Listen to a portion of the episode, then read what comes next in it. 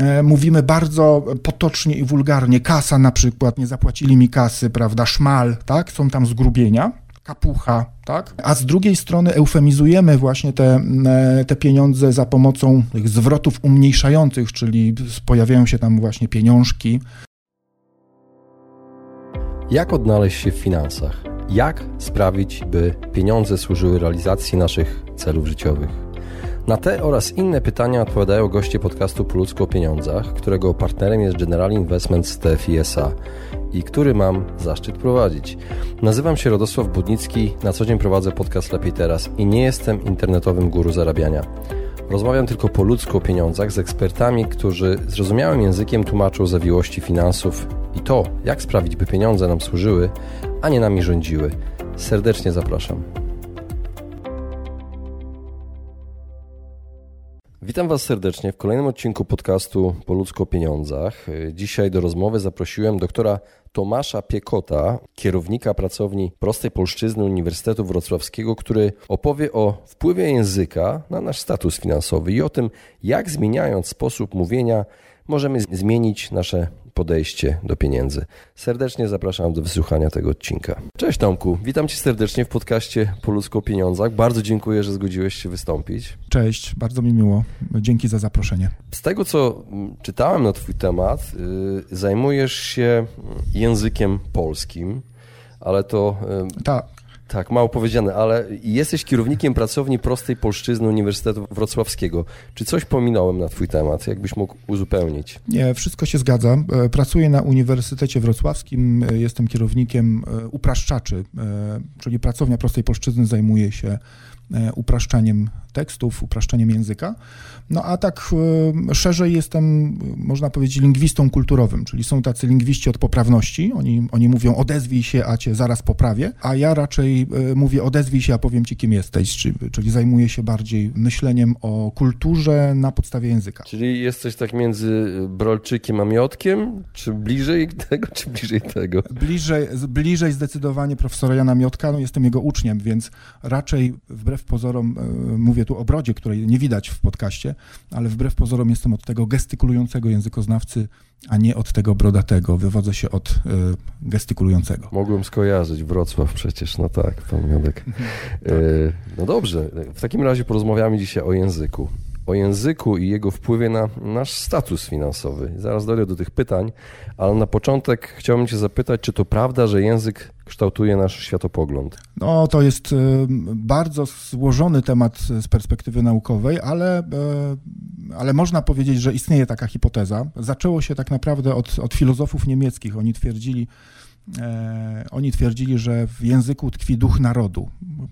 Byli tacy dwaj filozofowie, Herder, Humboldt, i oni, oni twierdzili właśnie, że na przykład w języku niemieckim widać innego ducha narodowego, w polskim innego, w rosyjskim innego. No, taką intuicję chyba mamy, prawda? Włoski brzmi w sposób specyficzny, jesteśmy w stanie pomyśleć sobie o mentalności Włocha, e, francuski e, podobnie. A później pojawiło się coś e, chyba jeszcze ciekawszego, bo to już nie była e, teza filozoficzna, tylko hipoteza, amerykańska hipoteza, e, hipoteza Sapira-Whorfa. No, dzisiaj znana najczęściej pod hasłem e, tego drugiego, czyli pod, pod nazwiskiem tego drugiego, czyli hipoteza Whorfa. I kończąc ten, e, ten nudnawy, e, nudnawy wywód, e, rzeczywiście tam się przyjmowało, przyjmuje się w tej hipotezie, że język tak naprawdę kształtuje nasz sposób myślenia, poznawania świata, doświadczenia świata, czyli w skrócie kształtuje świat. No tyle tylko, że wiele badań podważyło istnienie twardej wersji tej hipotezy, czyli raczej, raczej tak nie jest. Dzisiaj przyjmuje się, że, że raczej język kształtuje pewne aspekty naszego poznania, a nie całe poznanie. To by było za mocne. No ale, e, ale badania ciągle trwają i, e, no i świat e, naukowy jest podzielony. Jedni próbują obalić nawet tę miękką wersję hipotezy, a inni ją próbują potwierdzić. Bardzo zresztą to ciekawe badania, bo bada się na przykład kolory. Jeżeli języki różnie interpretują rzeczywistość, to powinniśmy też różnie interpretować kolory, a tu okazuje się, że nie, że oko i fizjologia patrzenia jest silniejsza od tego, jaki znasz język od, od urodzenia. E, czytałem też coś na temat Wittgensteina, że miał jakieś teorie na temat języka i wpływu właśnie na nasze myślenie. Tak, to jest to słynne zdanie, granice mego języka są e, granicami mego świata, e, ale to, to ta część, ten nurt filozoficzny, prawda, bardziej niż, niż empiryczny, amerykański, no bo amerykańscy lingwiści badali języki indyjskie, prawda, i tam dużo, dużo ciekawych wątków się pojawia, no, e, takich przy ubezpieczeniach na przykład dochodziło do pożarów, wybuchów, zastanawiali się eksperci ubezpieczeniowi, dlaczego e, ci Indianie ciągle podpalają fabryki, a okazało się, że oni nie mają pojęcia e, gazu, czyli jeżeli był napis, prawda, przy tej beczce nie pal, bo w środku są opary, no to oni zaglądali do środka, nie widzieli niczego, więc palili, no i dochodziło do wybuchów. No i stąd właśnie później, później takie historie, jak to Eskimosi mają 100 e, różnych nazw na śnieg, prawda, Indianie, którzy żyją w Amazonii w lesie, nie mają pojęcia lasu, no bo nie potrzebują go, bo nie znają różnicy między lasem a nie lasem, lasem. No i tak, tak właśnie powstawała e, ta, ta e, hipoteza urwiańska. Miejmy nadzieję, że Indianie Amazonii nie będą. Nie, nie zmieni się u nich nic. niech, no właśnie. niech tak zostanie. E, powiedz mi, czym jest relatywizm językowy dla tych osób, które nie wiedzą? No właśnie z tej hipotezy Worfa wywodzi się relatywizm, teoria relatywizmu językowego, czyli można powiedzieć, że dzielimy sobie naturę, patrzymy na naturę zgodnie z takimi liniami wyznaczonymi przez nasze języki ojczyste. Jeżeli mamy coś w języku, to wtedy widzimy to w naturze, w świecie, a jeżeli nie mamy no to tego nie widzimy, widzimy coś innego. E, I to jest takie bardzo deterministyczne, tak? To znaczy rzeczywiście jak się rodzisz w jakiejś kulturze i przyswajasz język, to już później nie masz szans, nie masz wyboru i to cię kieruje i e, jeżeli nie masz rodzaju, rodzaju na przykład nijakiego, tylko dwa rodzaje, no to wtedy nic nie jest nijakie, wszystko jest albo męskie, albo, albo żeńskie i takie seksualne bardzo i tak dalej, i tak dalej. Ale tak jak mówię, e, na razie nie udało się potwierdzić, e, a no, można nawet powiedzieć, że obalono właśnie te e, twarde, radykalne stanowiska deterministyczne. Przejdźmy może do pieniędzy i mam tutaj pytanie. Jaki język, którym mówimy o pieniądzach, wpływa na naszą rzeczywistość finansową, w której żyjemy? Hmm. No to, e, to jest ciekawy wątek. Chyba trzeba byłoby zacząć w ogóle od liczb i liczenia i samych liczebników, bo, bo to, e, no to zgodnie z tymi teoriami powinno nas kształtować przede wszystkim. I na przykład są, są takie kultury e, indiańskie właśnie, amazońskie, w których jest tylko liczebnik jeden, a później już mało albo dużo, prawda? I oni nie mają w ogóle liczenia, tak? Więc jeżeli ma, nie mają liczenia, to zupełnie inaczej wygląda ich kultura. Mają e, za to bardzo e, precyzyjny sposób e, szacowania mniejszej lub większej liczby czegoś, prawda, ale nie potrzebują zupełnie liczenia. No i stąd, stąd taki wniosek właśnie, który te, te kultury, no na przykład kultura Piracha, to niedawno, niedawno odkrycie właśnie amazońskie, bardzo, bardzo ciekawa historia, ze 300 osób chyba używa tego języka. No ale okazało się, że kiedy się z nimi porozmawia dokładniej, to bardzo podobnie szacują takie zbiory większe, nieokreślone w okolicy 38 elementów, na przykład 38 orzechów, prawda, albo, albo kulek i są w stanie e, oszacować ich e, liczbę oczywiście w inny sposób, e, tak jak my. I, te, I też badania pokazują, że nawet takie kultury, które nie mają liczenia czy systemu liczbowego w języku, kiedy się je do tego zmusi, na przykład ludzie muszą pracować i dostają pieniądze, to szybko tworzą sobie słownictwo, więc stąd wniosek jest taki, że to nie kultura czy język kształtuje sposób myślenia o finansach, tylko po prostu potrzeby życiowe. No i te języki, ponieważ one nie mają pisma, więc e, ludzie nie chcą sobie zaprzątać pamięci, prawda, niepotrzebnym liczeniem jedzą to, co znajdą, prawda, więc też nie potrzebują się rozliczać, nie potrzebują handlu czy, czy rynku. W związku z tym ich kultura nie potrzebuje zupełnie e, tych systemów finansowych. No i tak, e, tak, tak to mniej więcej wygląda. Są też języki bardzo ciekawe, na przykład fidżyński jest, jest takim językiem, gdzie na przykład e, inaczej się mówi trzy, jeżeli mówimy o kokosach, a inaczej, jeżeli mówimy na przykład o zwierzętach, prawda, czyli są różne jakby liczby związane z rzeczami, z przedmiotami, które się liczy, więc to jest też bardzo ciekawe, prawda, że to to pokazuje relatywizm właśnie liczb czy, czy liczenia. no tak, tak, tak z grubsza, z grubsza te badania językowe się, się kształtują. Jest też ciekawa historia, na przykład, dlaczego w wielu testach, w tym taki najsłynniejszy test PISA, prawda, test OECD, który bada kompetencje czy lingwistyczne, czy matematyczne właśnie, czy, czy finansowe u piętnastolatków, zdaje się, e, dlaczego dlaczego kraje azjatyckie wypadają dużo lepiej. Mówi się tam o systemie edukacji, prawda, o innym podejściu do, do rzeczywistości, a okazuje się, że jest to związane tak naprawdę ze strukturą języka i na przykład kompetencje finansowe, dziś popularny termin to analfabetyzm finansowy, tak? E, kompetencje finansowe zależą na przykład od tego, czy powyżej 10 mamy liczebniki regularne czy nieregularne. W językach zachodnich mamy przecież tam 11, 12, 13, w większości języków jest tam nieregularność. A w językach azjatyckich, wyobraź sobie, e, jest bardzo regularnie, czyli jest 10 i 1, 10 i 2, 10 i 3. I okazuje się, że w takich językach dzieci o wiele szybciej są w stanie się nauczyć liczyć, a jeżeli wcześniej się nauczysz liczyć, to masz później lepsze kompetencje finansowe, no i lepiej ogarniasz e, tę rzeczywistość. Więc nie ma tu znowu, po raz, po raz kolejny te badania pokazują, że nie ma tam żadnej różnicy w systemach edukacji, kultury, prawda, Zachód, nie wiem, racjonalny, ale jednak filozoficzny, a, a Azja e, bardziej, bardziej e, taka realna, stąpająca po ziemi, prawda, precyzyjna. Nie, jest to związane tylko z tym, czy mamy regularne liczebniki powyżej 10 i tak dalej, prawda? 21, 22, 23, to u nas to jest akurat regularne, ale nie zawsze. Więc bardzo, bardzo ciekawe wątki z tego wychodzą. Mm, no i pewnie chciałbyś zapytać, jak to się u nas przedstawia, e, jak, jak wygląda e, ta kompetencja finansowa. No to generalnie wieści dobrych nie mamy, jeżeli chodzi o analfabetyzm finansowy. On jest bardzo e, silny w, na, na Zachodzie.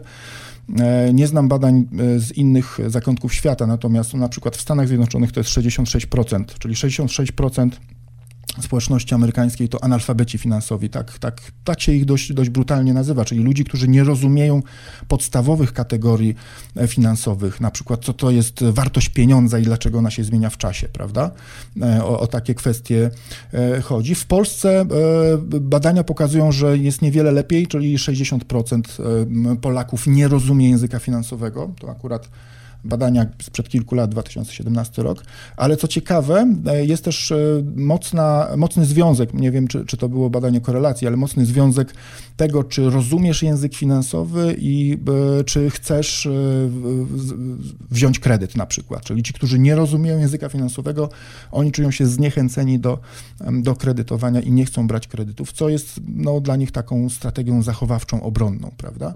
Ale 60% społeczeństwa ma ma problem z podstawowymi pojęciami finansowymi. Nie mówimy tu o liczeniu, tylko o rozumieniu zjawisk właśnie ekonomiczno-finansowych. Wydaje mi się właśnie, że powinno być odwrotnie, że osoby, które się zadłużają w kredyty konsumpcyjne, to są właśnie osoby, które są analfabetami finansowymi. Ale tutaj właśnie ciekawe wnioski przedstawiłeś. I tak. I a propos właśnie Azjatów, jest taki stereotyp w Stanach. Okazuje się, że to jest. nie jest stereotyp, że południowo-koreańczycy i Chińczycy właśnie mają bardzo dobre wyniki w nauce z matematyki, z przedmiotów ścisłych. Tak. E, Prawdopodobnie właśnie z tego powodu, e, o którym powiedziałem, czyli jak, jak wygląda ich system liczenia w słowach, tak? E, mhm. 1, 2, 3, 4 i tam powyżej 10, co się dzieje. No, ciekawe wyniki e, badań też tego testu PISA z Włoch. E, taki, tak, jest, jest taki e, pogląd, że, że jest też stereotypowy, tak, że dziewczyny czy, czy dziewczynki, uczennice mają gorsze wyniki w matematyce od, od chłopców. Jest to, jest to stereotyp ten płciowy, prawda, półkulowy tak zwany, że tam różnymi półkulami myślimy i tym podobne. Ale Włosi zbadali to bardzo dokładnie i co się okazało, sprawdzili, dlaczego niektóre dziewczynki, e, uczennice wypadły lepiej z matematyki w tym włoskim teście PISA od, od innych i od chłopców. I odkryli niesamowitą rzecz. Mianowicie odkryli po pierwsze, że bardzo ważne jest pochodzenie rodziców, ale nieprawdopodobnie ważna jest rola matek.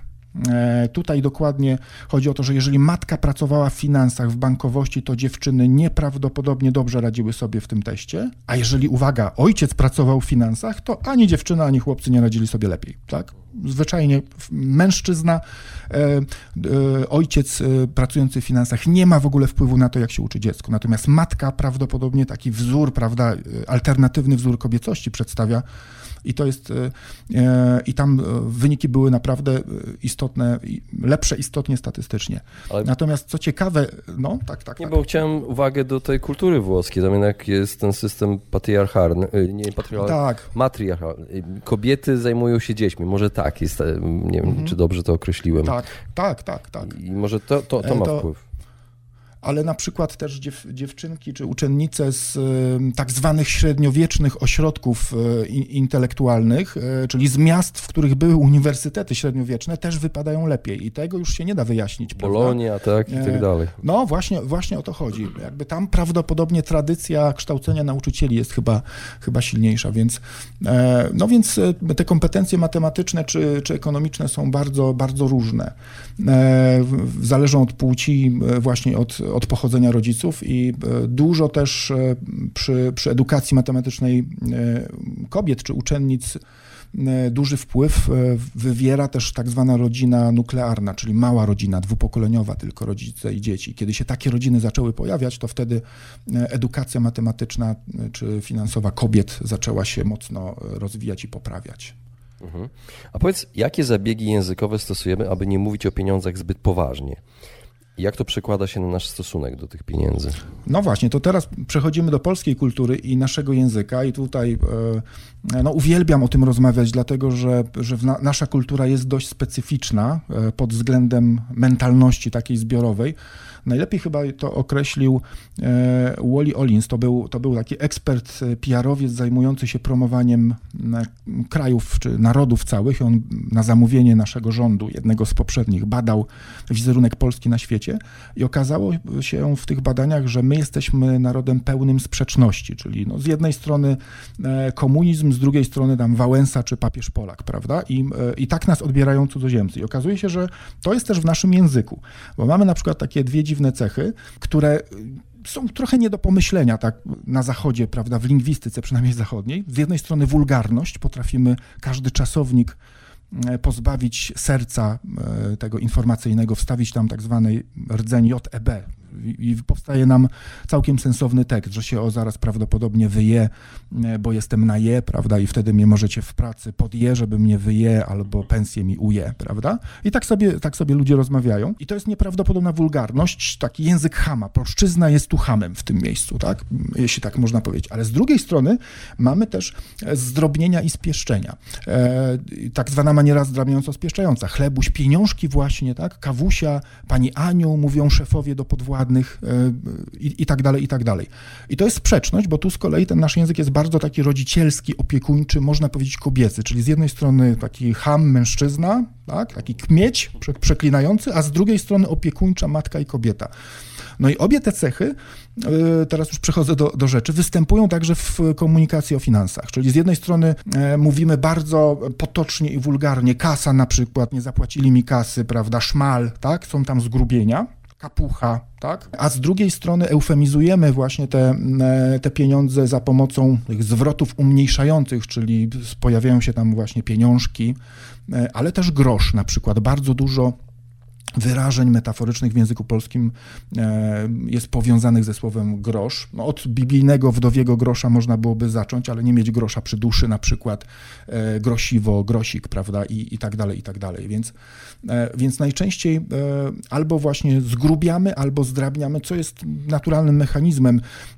No, wyobraźmy sobie na przykład, jak nazywamy wszystkie potrawy, w których, przepraszam, to będzie brutalny przykład, zjadamy podroby zwierzęce. Tam wszędzie są zdrobnienia, żeby to jakoś w ogóle dało się jeść, prawda? Serduszka, żołądki, e, płucka nawet, no nie wiem, czy ktoś widział, jak wygląda, wyglądają płucka, tak, e, jako potrawa, e, jak, jak to wygląda, kiedy się to gotuje. Więc my eufemizujemy, czyli właśnie zmiękczamy, wlewamy takie kokolino, żeby w ogóle o tym rozmawiać. Zresztą niedawno pojawiła się książka z językowym obrazem pieniądza w Polsce, więc to jest w ogóle bardzo ciekawy wątek, bo, bo tam badaczka, e, e, autorka tej książki, Dorota Filar, zdaje się tak, e, rekonstruowała narrację Polaków o pieniądzach i, i e, nieprawdę, naprawdę ciekawe, e, ciekawe wątki uchwyciła, badając właśnie związki frazeologiczne, słowniki, powiedzenia i dalej, i tak dalej. Wiesz co, pieniążków ja nie cierpię po prostu, jak to słyszę.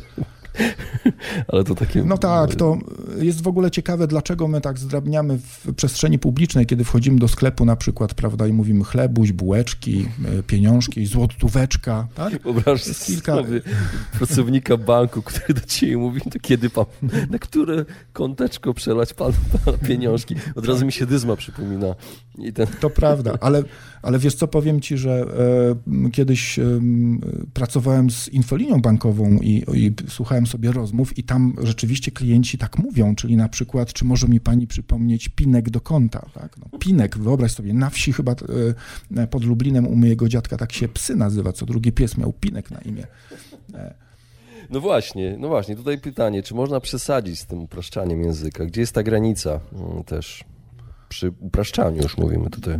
No, granica jest, e, leży pomiędzy dwoma słowami, pomiędzy słowem prosty a prostacki. To znaczy e, faktycznie pierwsza instytucja w Polsce, e, która próbowała upraszczać język, to był bank. 2014 rok się zaczęło i banki są bardzo mocne w upraszczaniu.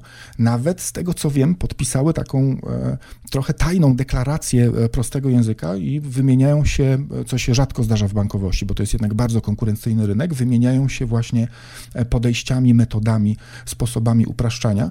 No ale chyba granica jest przekroczona wtedy, kiedy tekst przestaje być prosty, zaczyna być prostacki, czyli kiedy zaczniemy upraszczać merytorykę, tak? I to jest, i to jest ważne. No, kilka kilka, przykładów pewnie można podać, czy jest jakaś różnica między kontem a rachunkiem, prawda? I, e, I wydaje się, że nie, więc teoretycznie zawsze e, ten trudny, dziwny rachunek bankowy można po prostu zamienić na konto i, i tak pisać, że e, czy, czy może pani na przykład przenieść pensję, by wpływała na, na nasze konto, a nie w innym banku. Ale na przykład już różnica między właścicielem a posiadaczem jest istotna i jest uregulowana w prawie, więc tutaj nie jest tak łatwo zamienić, zamienić posiadacza na właściciela, chociaż ten posiadacz brzmi dziwnie. No posiadać to jest, to znaczy użytkować coś, czego się nie jest właścicielem, tylko dostaliśmy to. A, a przy okazji jedna z anegdot też bankowych właśnie o języku finansowym jest, jest taka, e, że kiedy e, pewien klient wszedł do banku i powiedział, że chciał wypłacić pieniądze ze swojego konta, to usłyszał, to było na granicy PRL-u, usłyszał, że niestety, ale to nie jest pana konto, tylko nasze. Pan jest tylko jego użytkownikiem, czyli posiadaczem. A po drugie, e, nie może pan wypłacić tych pieniędzy, bo wypłacić może tylko e, pracownik e, właściciela, czyli ja mogę wypłacić, a pan może te pieniądze podjąć. No i tak mniej więcej wygląda różnicowanie języka, prawda, finansowego. Gdybyśmy chcieli być bardzo precyzyjni, no to dojdziemy do, do, do brutalnych wniosków, takich nawet w, w energetyce, że jest różnica między prądem a energią elektryczną i że nie płacimy rachunków za prąd wcale, tak mi też mówią w firmach energetycznych, tylko za energię elektryczną i nazwanie energii elektrycznej prądem to jest w ogóle jakaś fizyczna profanacja.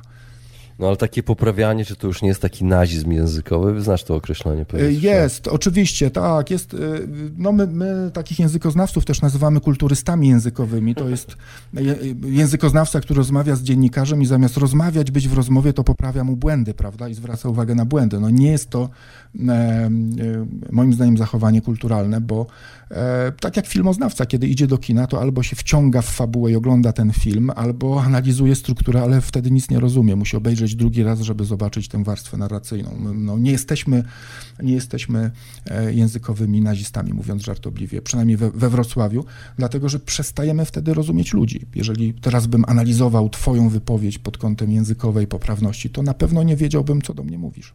Tak, ale przez to, jak mówimy, też oceniamy się i stąd moje pytanie, w jaki sposób język zdradza, kim jesteśmy? E, język zdradza, kim jesteśmy przede wszystkim zbiorowo, czyli wspólnotowo, bo na przykład e, taka wracam do, do, książki, do książki profesor Filar o, o, o pieniądzu w Polsce.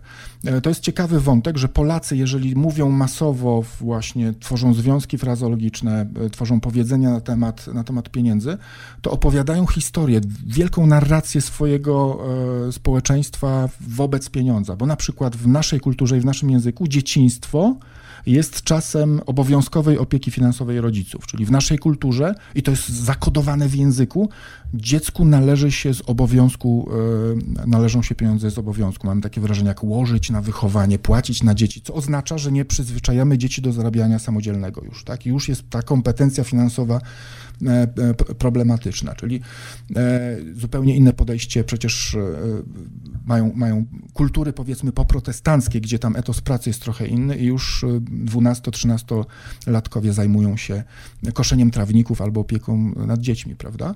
A młodość w naszej kulturze, ten następny etap, kiedy już trochę do, dorastamy, no to najwięcej wyrażeń w polszczyźnie dotyczących pieniędzy w czasie młodości do, do, dotyczy e, tak zwanego wyszumienia się, czyli rozrzutności absolutnej. Czyli nie dość, że nie uczymy dzieci w języku, nie przekazujemy w języku e, tego, że muszą same zarobić, prawda, albo w jakiś sposób uczyć się oszczędzać, tylko im się to należy e, e, tylko dlatego, że jest ten mit niewinności, prawda, i, i opiekuńczości, ale to kiedy już będą młodzi, to mają się wyszumieć, mają czas na, na rozrzutność i, e, i mogą robić, co chcą z tymi pieniędzmi i to, i to im wybaczamy, rozumiemy to.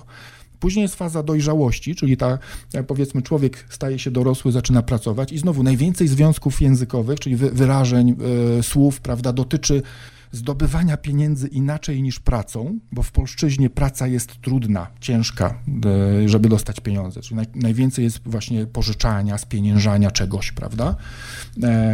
E, e, a sama praca jest, jest bardzo trudna i wydawania pieniędzy na podstawowe potrzeby, co jest oczywiście związane z PRL-em, tak, że, że była bieda, więc nie ma tu zbyt wielu związków frazologicznych o czymś innym powiedzeń. A na starość to oczywiście nie mamy na leki, nie mamy do pierwszego, nie mamy co do gara włożyć i takie powiedzenia występują. Więc ten obraz jest dość e, przygnębiający i tam oczywiście w szczegóły można dalej wchodzić, e, co się dzieje na tych poszczególnych etapach, ale narracja generalnie jest tak naprawdę e, antyfinansowa, tak? I ona nie uczy do, dobrego zarządzania pieniędzmi, myślenia o pieniądzach, tylko przyzwyczaja nas do tego, że nam się właśnie nie udaje finansowo. To co teraz powiedzieć? Więc mhm. Chciałem powiedzieć tylko właśnie, że ciekawe jest to, co zbiorowo my opowiadamy o pieniądzach, a nie to, czym się różnimy już grupowo, prawda? Jak mówię ja na przykład jako humanista, albo jak, jak mówi mój, mój kolega ekonomista. Tutaj te różnice będą niewielkie, bo my wszyscy opowiadamy to samo i to jest taka ukryta nasza historia, ukryta nasza mentalność, tak? Przypomniało mi to trochę moje studia na socjologii i książki Maxa Webera, wpływ, no tak. wpływie właśnie pro, różnice protestantyzm i kapitalizm, no. wpływ właśnie e, to, co powiedziałeś, że ma, ma wpływ. I tu język też właśnie dochodzi, ma e, nie tylko, tak, nie tylko tak. wiara religijna i tak dalej. E, jak w takim razie rozmawiać o pieniądzach, jak my powinniśmy, no, Polacy, no mam polskich słuchaczy, aby się dogadać. Mhm. No i to jest, e, to jest trudne pytanie, dlatego że mamy mnóstwo nacechowanego słownictwa. Na przykład, jak rozmawiać o oszczędzaniu, tak? Jeżeli e, w języku polskim mamy takie wyrazy jak ciułać, dusić, liczyć się z każdym groszem, odejmować sobie od ust, prawda? I to i to jest, to jest problem, czyli sam obraz oszczędzania też jest negatywny, że generalnie oszczędzanie e, nie, nie ma sensu i tak jest, tak jest nazwane, więc jak uczyć dobrego oszczędzania? E, I, I, problem chyba tu jest w, w, edukacji. E, moim zdaniem powinniśmy się starać używać słów no, w miarę neutralnych, ale jednak nie, niepotocznych, jeżeli mamy o tym rozmawiać lepiej. Jeżeli będziemy na wszystko mówić kasa, to kasa kojarzy się ze szwindlem oczywiście, z łapówkami, prawda, i się otwierają te wszystkie skrypty, w których których nie będzie to działać.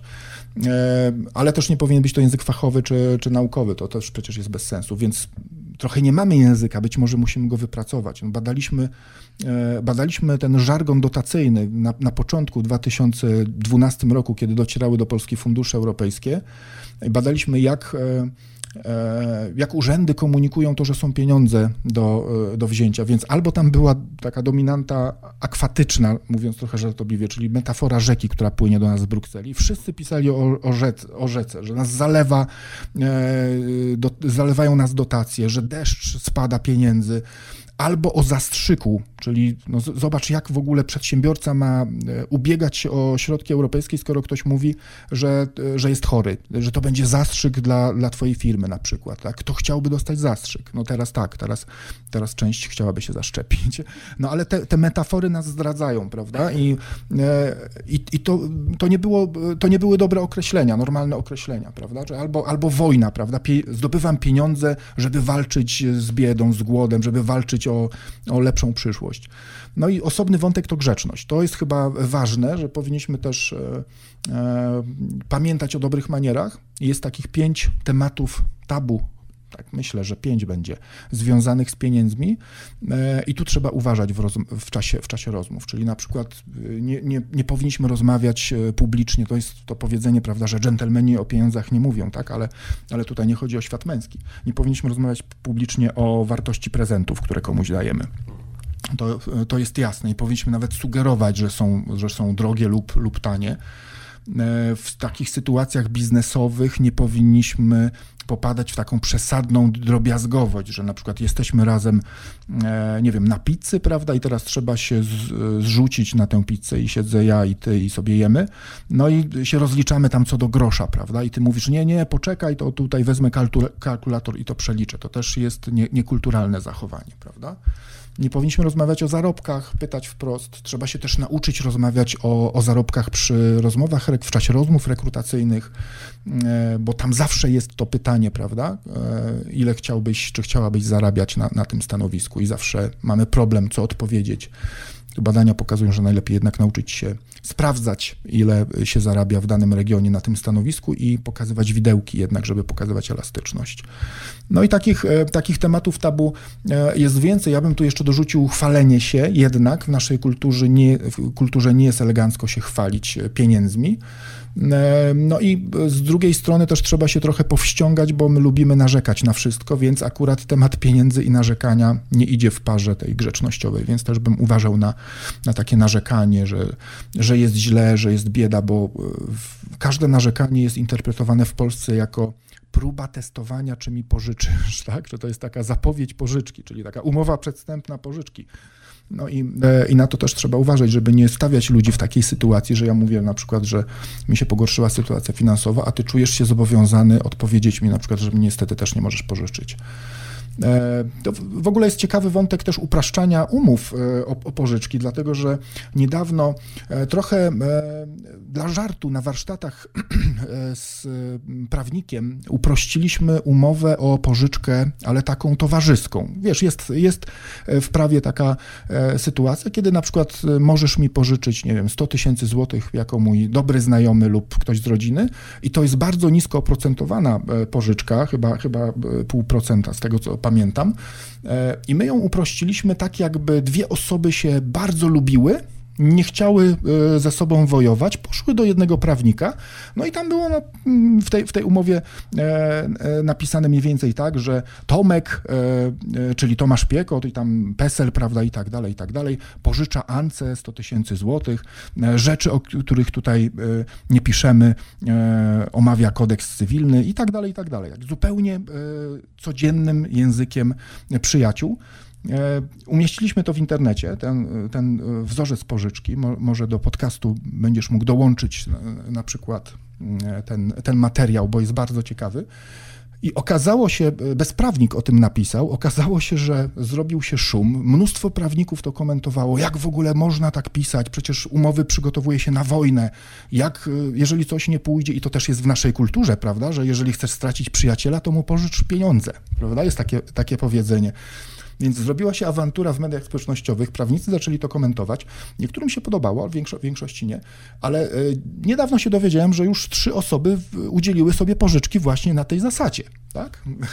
I za pomocą tej naszej, naszej e, żartobliwej z pozoru, z pozoru umowy. Więc, e, więc to jest zupełnie e, osobny wątek, którego także nie ma w, w, w, polskiej, w polskiej sferze publicznej, zdominowanej przez banki, prawda, pośredników, doradców, że my możemy także pożyczać sobie pieniądze i o tym rozmawiać wprost i próbować przełamać tę klątwę utraty przyjaciela z tego powodu. Wiesz co, właśnie wyprzedziłeś moje pytanie w pewnym sensie. Jak powinien, jaki powinien być język, którym posługują się instytucje finansowe? Język prosty. Język prosty. Tak, język prosty, ale nie prostacki, na pewno język codzienny. E, no teraz mamy mnóstwo możliwości badania tego, jak ludzie mówią o finansach, czy używają właśnie e, potocyzmów, czy uczą się terminów. Jest sztuczna inteligencja, która może to badać e, i, i próbować mapować, przepraszam za wyrażenie, polszczyznę. I e, chyba mimikra, językowa mimikra byłaby tutaj najlepsza, oczywiście z jakąś granicą przyzwoitości, czyli naśladowanie tych sposobów myślenia i, i mówienia o, o finansach. To byłaby chyba najlepsza metoda. Ale, ale też e, branża bankowa jest bardzo mocno doregulowana czy przeregulowana, czyli są instytucje, przepisy, które, e, które kierują tym wszystkim, co robią banki umowy w ciągu ostatnich 10 lat wydłużyły się o 300% umowy bankowe ze względu właśnie na kolejne e, paragrafy czy klauzule, które trzeba tam dopisywać. Dawniej te umowy były krótsze. I oczywiście z jednej strony jest to proklienckie, no bo troska o bezpieczeństwo klientów, ale z drugiej strony w tych naszych przepisach jest spora też podejrzliwość. To znaczy, cokolwiek bank zmienia, to prawdopodobnie próbuje kogoś e, oszukać, prawda? Takie, takie podejście tam gdzieś między wierszami widać. No i dlatego banki też bardzo boją się zmian języka. No, zmiana regulaminu wymaga zakomunikowania tego wszystkim klientom z dokładnym uzasadnieniem, dlaczego zmieniamy. Więc jeżeli bank by napisał, zmieniamy teraz regulamin, będzie prościutki, wszystko będziesz rozumieć, no to od razu można zapytać, to co to oznacza, że do tej pory nie było? Nie było to jasne, było niezrozumiałe? E, no i, i z tego powodu też na przykład ludzie nie czytają w ogóle umów, prawda? To przy ogólnych warunkach ubezpieczenia, tak, takie badania znam, chyba sięga to 3%, czyli 3% klientów czyta ogólne warunki ubezpieczenia. Więc to są dramatyczne, e, dramatyczne statystyki i my chyba tam zaglądamy do, do dokumentów formalnych, finansowych dopiero wtedy, kiedy jest kryzys, kiedy chcemy iść do sądu albo złożyć reklamację. Chyba tak też być nie powinno. Wiesz co, przygotowując się do tego wywiadu, czytałem jakąś publikację, w której chyba ty powiedziałeś, że to chyba Wielka Brytania tak bardzo uprościła ten, ten język umów. Tak? Tak, e, to jest, to jest wielki ruch prostego języka, e, ruch upraszczania i są takie trzy, e, trzy nurty. Anglosaski, tu Wielka Brytania i Stany Zjednoczone działają bardzo prężnie od lat 40. mniej więcej, od działalności Churchilla, wbrew pozorom to, to Churchill zapoczątkował w urzędach brytyjskich. Szwedzi także bardzo, czy Skandynawia generalnie, no i oczywiście Niemcy, Niemcy, którzy się zaczynają zwracać w stronę dostępności e, tekstów bankowych na przykład, a zatem też produktów dostępności dla osób z niepełnosprawnościami, na przykład intelektualnymi, więc tam jest bardzo tak włączający język e, proponowany w, w, kulturze niemieckiej. W Stanach Zjednoczonych był ciekawy eksperyment, mianowicie jedna z firm ubezpieczeniowych przygotowała nowy produkt, taki e, zawierany wyłącznie przez internet.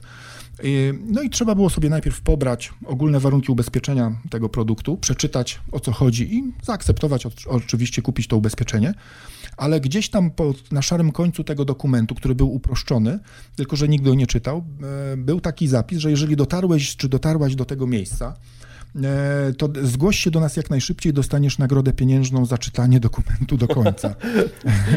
I wyobraź sobie, że zgłosiła się dopiero 80 osoba. Oni to sprawdzili oczywiście, prawda? Pobieralność e, plików i tak dalej, i tak dalej. Była to nauczycielka, która zawsze wszystko czyta do końca. Wygrała 10 tysięcy dolarów i jej szkoła też dostała 10 tysięcy dolarów, więc to też pokazuje, jak można PR-owo e, komunikować zmiany, że my teraz mamy takie umowy, że naprawdę warto, warto je czytać i się da, prawda? No, e, akcja, akcja ciekawa bardzo marketingowo. Mhm. Na pewno masz takie osoby z życia publicznego, które lubisz słuchać, które prawidłowo według Ciebie posługują się językiem w różnych dziedzinach życia. Czy możesz podać jakiś przykład takich osób? Chyba nie. Chyba to, to będzie trudne, dlatego że no zastanawiam się. To w życiu publicznym dzisiaj, w nasz tak spolaryzowanym, zawsze będzie to jednak osoba zaangażowana pewnie politycznie też częściowo. A, no tak, i nie mówimy o polityce. Tutaj zachować, tak, zachować neutralność. Nawet sobie myślę teraz o jakichś naukowcach, którzy się jednak angażują e, e politycznie. Może celebryta? Ekspertami. Celebrytka? No, ce, nie, ce, celebry, z celebrytami jest, jest gorzej, bo, ale też widać wzrost zaangażowania celebrytów i na przykład wulgarność ich języka e, ze względu na to właśnie, że opowiadają się za jedną lub za, za drugą stroną. Nawet myślę o literatach, tak, którzy występują publicznie i też trudno mi podać taką osobę, która byłaby E, nadawałaby się do tak symetrystycznego podcastu, tak? Więc wybacz, wybacz, ale tutaj odmówię odpowiedzi na to, e, na to pytanie. Zresztą e, wypowiedzi medialne charakteryzują się specy pewną specyfiką. Jeden z ekspertów to kiedyś nazwał sinusoidą, czyli my w mediach mamy tak mówić, żeby było jak, jak sinusoida, albo bardzo ciekawe, atrakcyjne tam na górze te, te grzbiety, albo coś krytycznego na dole, wulgarnego i tylko media wycinają te góry i te doły, prawda? Prawda? Cały środek przepada. E, więc to nie, nie będzie język dobry, bo on będzie albo emocjonalny właśnie, albo zbyt metaforyczny, albo jakieś potknięcia. Trudno, e, trudno mi teraz kogoś takiego jednego wskazać. E, Krystyna Czubówna. No tak, ale to pod względem dykcji, prawda? I, I narracji, rzeczywiście. E, no, ak aktorzy, e, aktorzy mm, dubbingowi są naprawdę znakomici w Polsce i, e, i świetnie, świetnie mówią także, kiedy opowiadają o swoim życiu zawodowym. No, też mam swoich ulubionych. Tomku, bardzo Ci dziękuję za rozmowę. Na koniec ostatnie pytanie. Skąd można czerpać wiedzę na temat takiej poprawnej, tej prostej polszczyzny? W jaki sposób Ty pomagasz firmom, ludziom w kształtowaniu jasnego i tego skutecznego przekazu?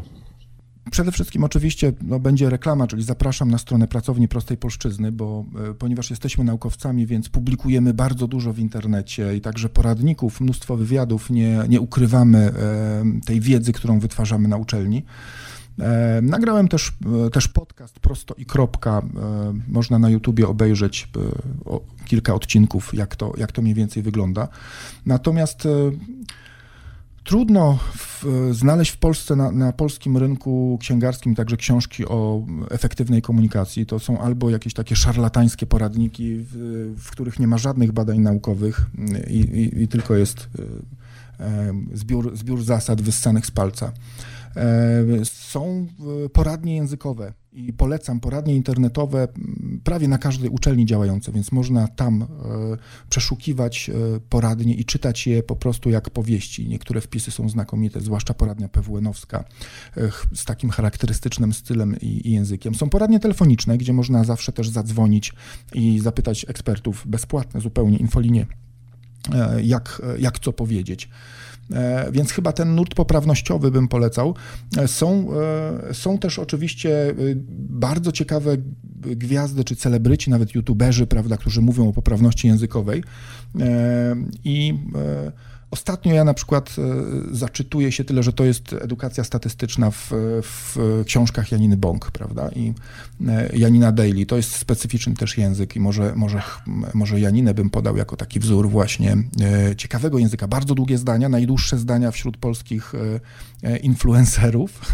Nie do czytania praktycznie z perspektywy naukowej. Jeżeli ktoś pisze zdania 25-wyrazowe średnio, to nie powinien robić, zrobić takich efekt, efektów popularności, a okazuje się, że ludzie, e, ludzie czytają e, książki książkę e, Janiny, tę, tę ostatnią znakomicie, więc coś tam innego musi być w środku.